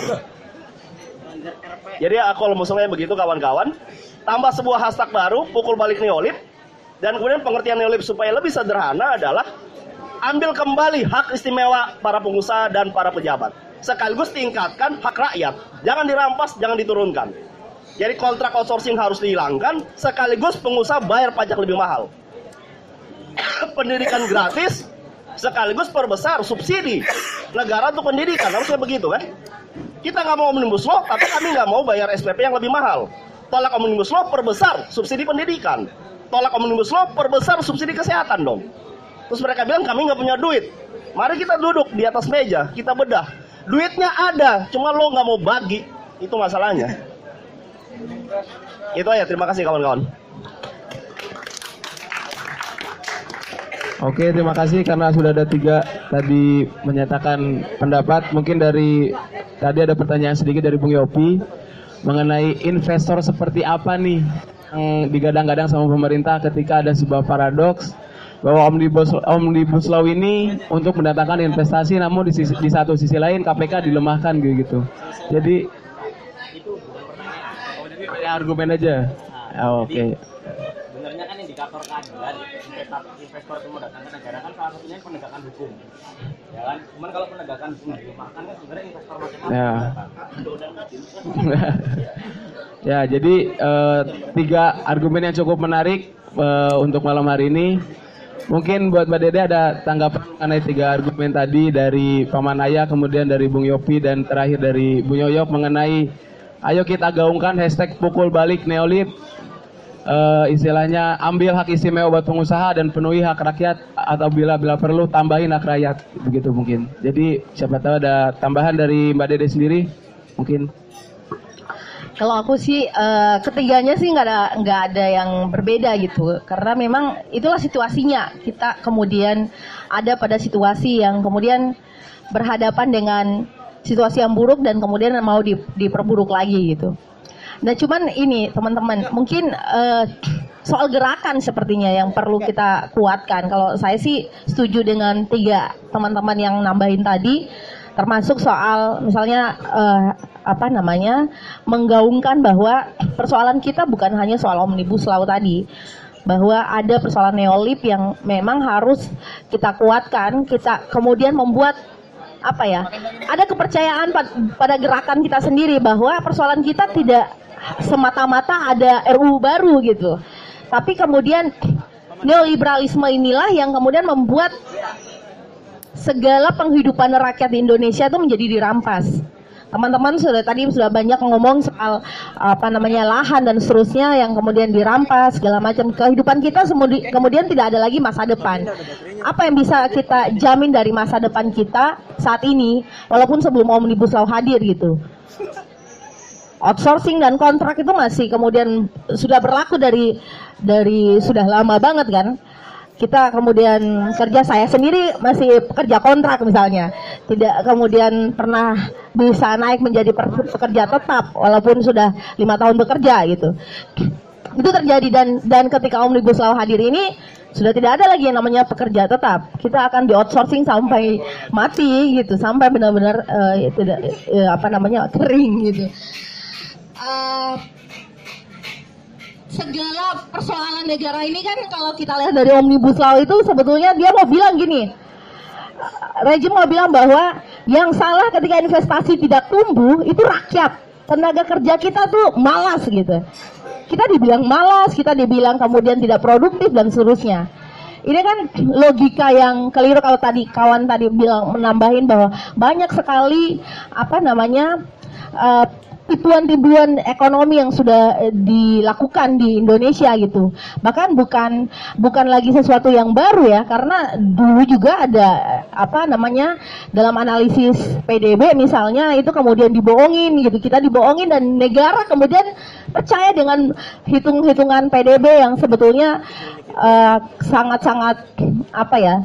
Ya tidak benar gitu. Misalnya yang operasi ekonomi hitman gitu ya, yang kemudian membohongi kita sehingga apa eh, arah pembangunan itu mengikuti apa yang kemudian diinginkan oleh eh, neolib gitu. Nah sekarang gimana? Saya sih kemudian tidak perlu eh, yang tadi yang apa disampaikan teman-teman, saya sangat setuju. Cuman apa nih gerakan yang kemudian mau kita lakukan itu? Itu hal penting yang sebetulnya patut kita pertanyakan. Kalau misalnya eh, cuman bilang gagalkan, tolak dan seterusnya, sambil meram terus bikin status bisa ya, bisa kita lakukan gitu. Tapi apa nih? eh, apa namanya? proses-proses yang harus kita lakukan gitu. Di Indonesia saat ini daerah-daerah sudah bergerak. Jakarta misalnya konsolidasi buruh bukan hanya di konsolidasi pimpinan-pimpinan buruh elit-elitnya, tapi di pabrik-pabrik sudah mulai bergerak.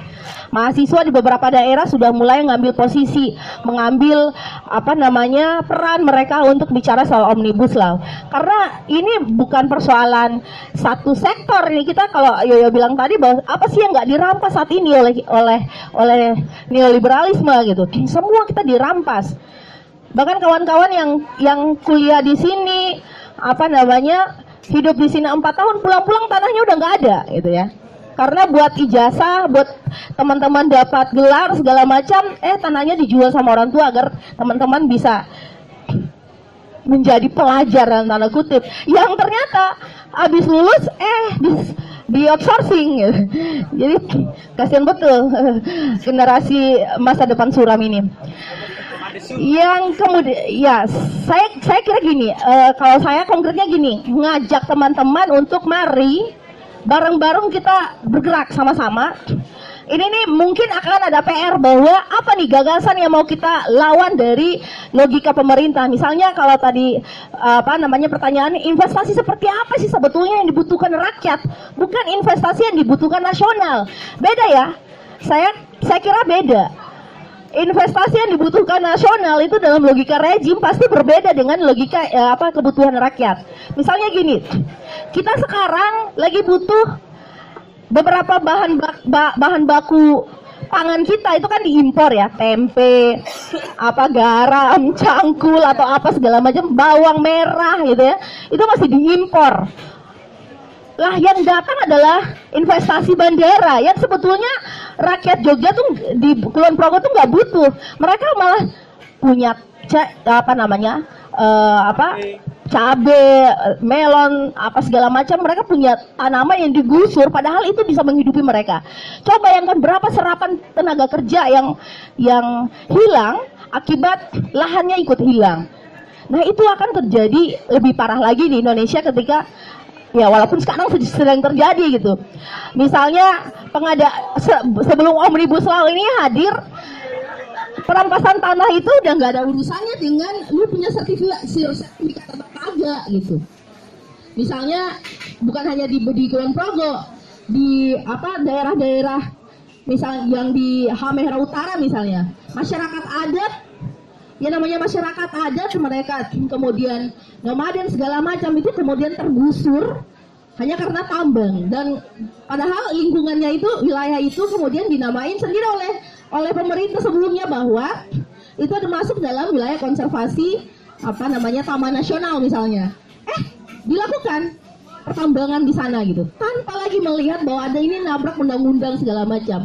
Makanya saya setuju dengan kawan-kawan yang kemudian melihat bahwa kedaulatan kita itu perlu kita kita kaji lagi. Benarkah Indonesia ini negara kita ini kedaulatan itu berada pada hukum? Jangan karena ketika hukum hukum sekarang sekarang kan bisa ditabrak ya. Mana hukum yang nggak bisa ditabrak Undang-undang dasar konstitusi yang kemudian kita agung-agungkan saja itu bisa ditabrak. Subsidi dihabisin ya. Yang tadi kewajiban menjadi apa? Bantuan sosial ya. Kayak apa? eh, jaminan sosial kan diterjemahkan oleh pemerintah sebagai program social insurance gitu, asuransi sosial. Makanya muncul BPJS, muncul apa segala macam yang kemudian itu apa kita yang kemudian mengiur gitu. Kewajiban menjadi misalnya dinas sosial teman-teman ngecek. Untuk disabilitas itu bahasanya bantuan langsung tunai. Kewajiban diganti bantuan. Lah kalau gua ngasih atau kagak kan urusan gua gitu kan jadinya gitu. Negara memposisikan itu bahwa saya mengibah makanya saya ngasih gitu. Kewajibannya dihilangkan. Nah tentu saja kewajiban kenapa logika ini kemudian menjadi terbalik bukan hanya karena omnibus law ini tapi ada sistem yang kemudian kita sudah tahu bersama dia sudah hidup dan kemudian mendunia juga. Dan Indonesia sejak Orde Baru kita tahu sudah masuk di sini dan kemudian mencengkram. Di dunia pendidikan apalagi. Nah sekarang kembali lagi untuk gerakan.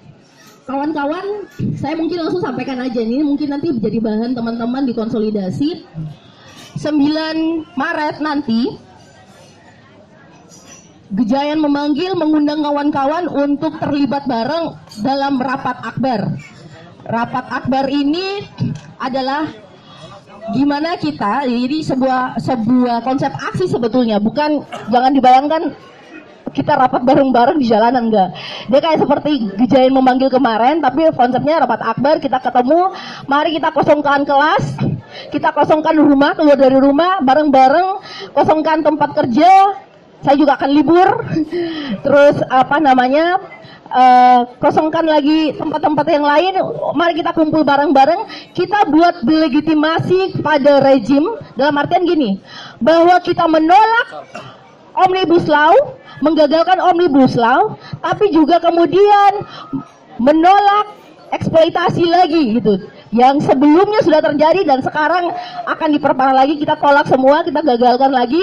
Kalau tadi meminjam bahasanya Yoyo bahwa kalau saat ini situasi kita saat ini sudah diperparah mari kita kita kembalikan bahwa yang kaya harusnya lah yang paling banyak mensubsidi diambil lagi. Karena sebetulnya kita saat ini dirampok ya ada teman yang tanya undang-undang RUU Omnibus Law itu sederhananya gimana sih? Saya bilang itu RUU perampokan. Bahasa paling sederhana adalah RUU perampokan gitu. Siapa yang dirampok? Rakyat. Yang rampok siapa? Negara dan oligarki termasuk investasi asing gitu. Jadi kalau untuk kemudian ada juga yang nanya gimana sih agar kemudian kita nggak kejebak hanya ngelihat bahwa ada asing di balik ini gitu investasi itu dia nggak kenal siapa negaramu gitu ya. Jadi bukan hanya misalnya Tiongkok, Jepang, Amerika dan segala macam.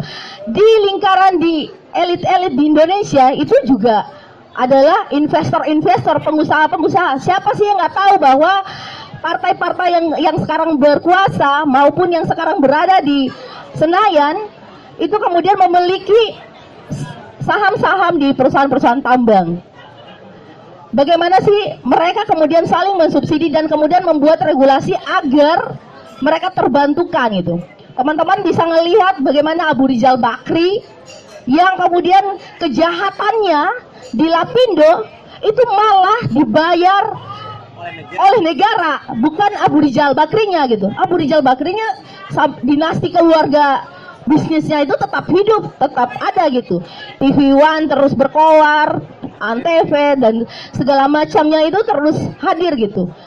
Jadi jangan sampai kita kemudian hanya melihat luar, tapi kemudian lupa bahwa situasi saat ini tidak hanya modal itu tidak hanya dari luar, tapi dia juga dari dalam yang, yang juga sedang menggerogoti kita. Dan kemudian parahnya adalah dia ada di pemerintahan, ada juga di militer yang sekarang ngepung kita dari semua sisi. Nah sekarang kita dikepung semua sisi kok malah diem gitu ya. Setuju bahwa kita ini semua dirampas, tapi kok malah, masih malah diam, masih masih menganggap biasa-biasa saja. Saya pikir ini harus menjadi semangat kita, menjadi nafas gerakan kita bahwa tidak cukup bicara soal omnibus law saja, tapi harus lebih bicara itu bukan kalau kata Fikri, uh, Fikri bilang bahwa ya syukur-syukur bicara lebih gitu. Kalau saya saya ngajak, ayo ngomong lebih. Sudah saatnya kita tidak bisa lagi ngerem, sementara kita kita ngerem soal menuntut, tetapi pemerintah dan oligarki itu ngegas untuk menindas kita. Jadi sudah saatnya mari teman-teman saya ngajak sekali lagi 9 Maret kita kumpul bareng-bareng teman-teman di apa namanya uh, Bundaran UGM 9 Maret. Jadi kalau bisa mari long march bareng-bareng di kampus-kampus lain akan kita juga coba komunikasikan agar mereka juga ikut terlibat. Kita satu hari mari libur jalan-jalan ke Bundaran UGM buat delegitimasi pada rejim yang kemudian sangat neoliberalistik. Terima kasih.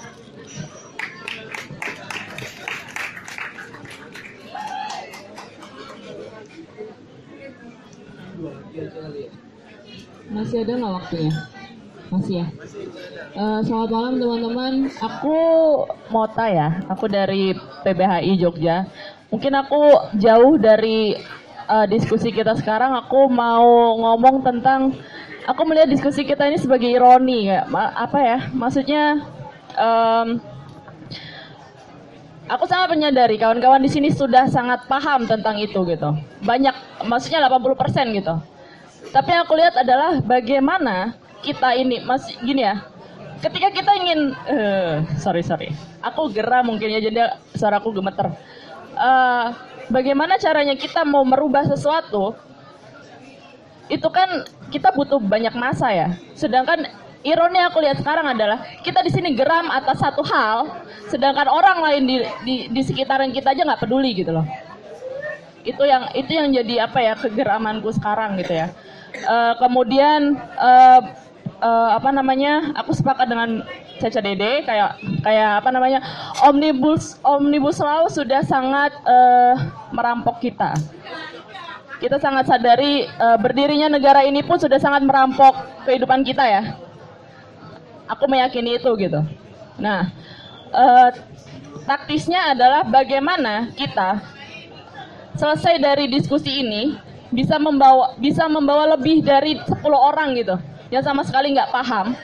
Mungkin ke ke acara uh, mungkin apalah gejayan memanggil atau apa gitu. Aku sudah sangat antipati karena melihat kawan-kawan di kampus-kampus besar yang sangat uh, apa namanya sangat gen, sangat uh, gencar berdiskusi tentang hal-hal yang sangat populis ya. Justru tidak melihat uh, misalnya aku aku melihat banyak sekali kampus-kampus besar di Yogyakarta ini, negeri maupun swasta.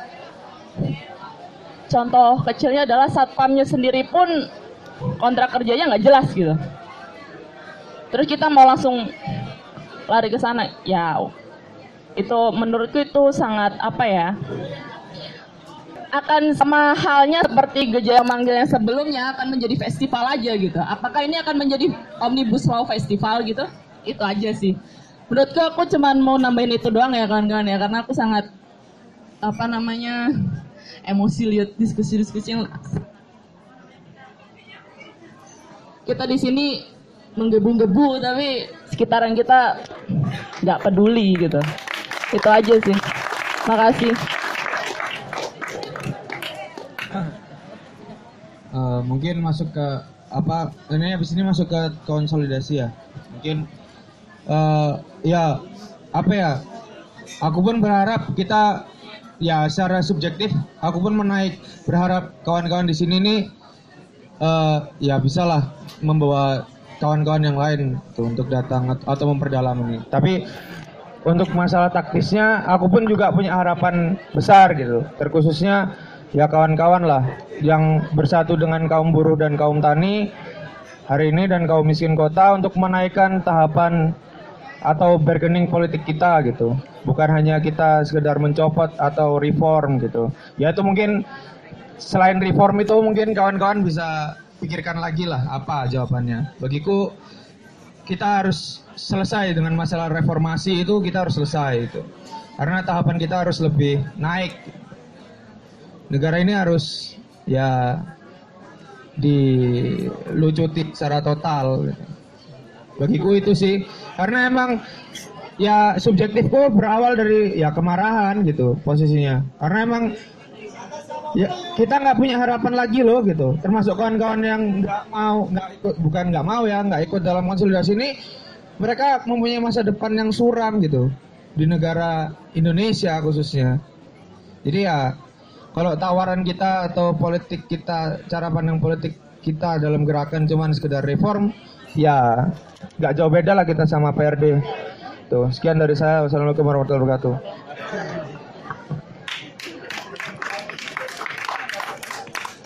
Eh, mungkin itu diskusi untuk malam hari ini. Jadi untuk selanjutnya bakal ada konsolidasi langsung dari UMB bergerak. Jadi mungkin eh, kesimpulan akhir dari Omnibus Law ini mungkin teman-teman sudah mungkin lebih tahu mengenai apa itu permasalahan Omnibus Law yang sedikit banyaknya sudah diingatkan oleh pemantik-pemantik yang di depan. Kemudian jangan lupa tadi saran dari eh, Bung Yoyok sendiri gaungkan di Twitter, di Instagram hashtag lawan balik neolib. Itu merupakan eh, salah satu bentuk perlawanan yang sangat masif juga yang bisa dilakukan oleh teman-teman untuk istilahnya membuat omnibus law ini digagalkan gitu. Jadi eh, mungkin itu aja diskusi malam hari ini. Terima kasih buat teman-teman yang sudah hadir dan jangan lupa untuk beli kopi mungkin atau es teh di Basa Basi untuk saling mensupport agar ada feedback. Itu aja mungkin diskusi malam hari ini. Oke. Ah, teman-teman, ini eh, soal teknis sih, tapi eh, penting banget ngambil eh, bagian sebetulnya.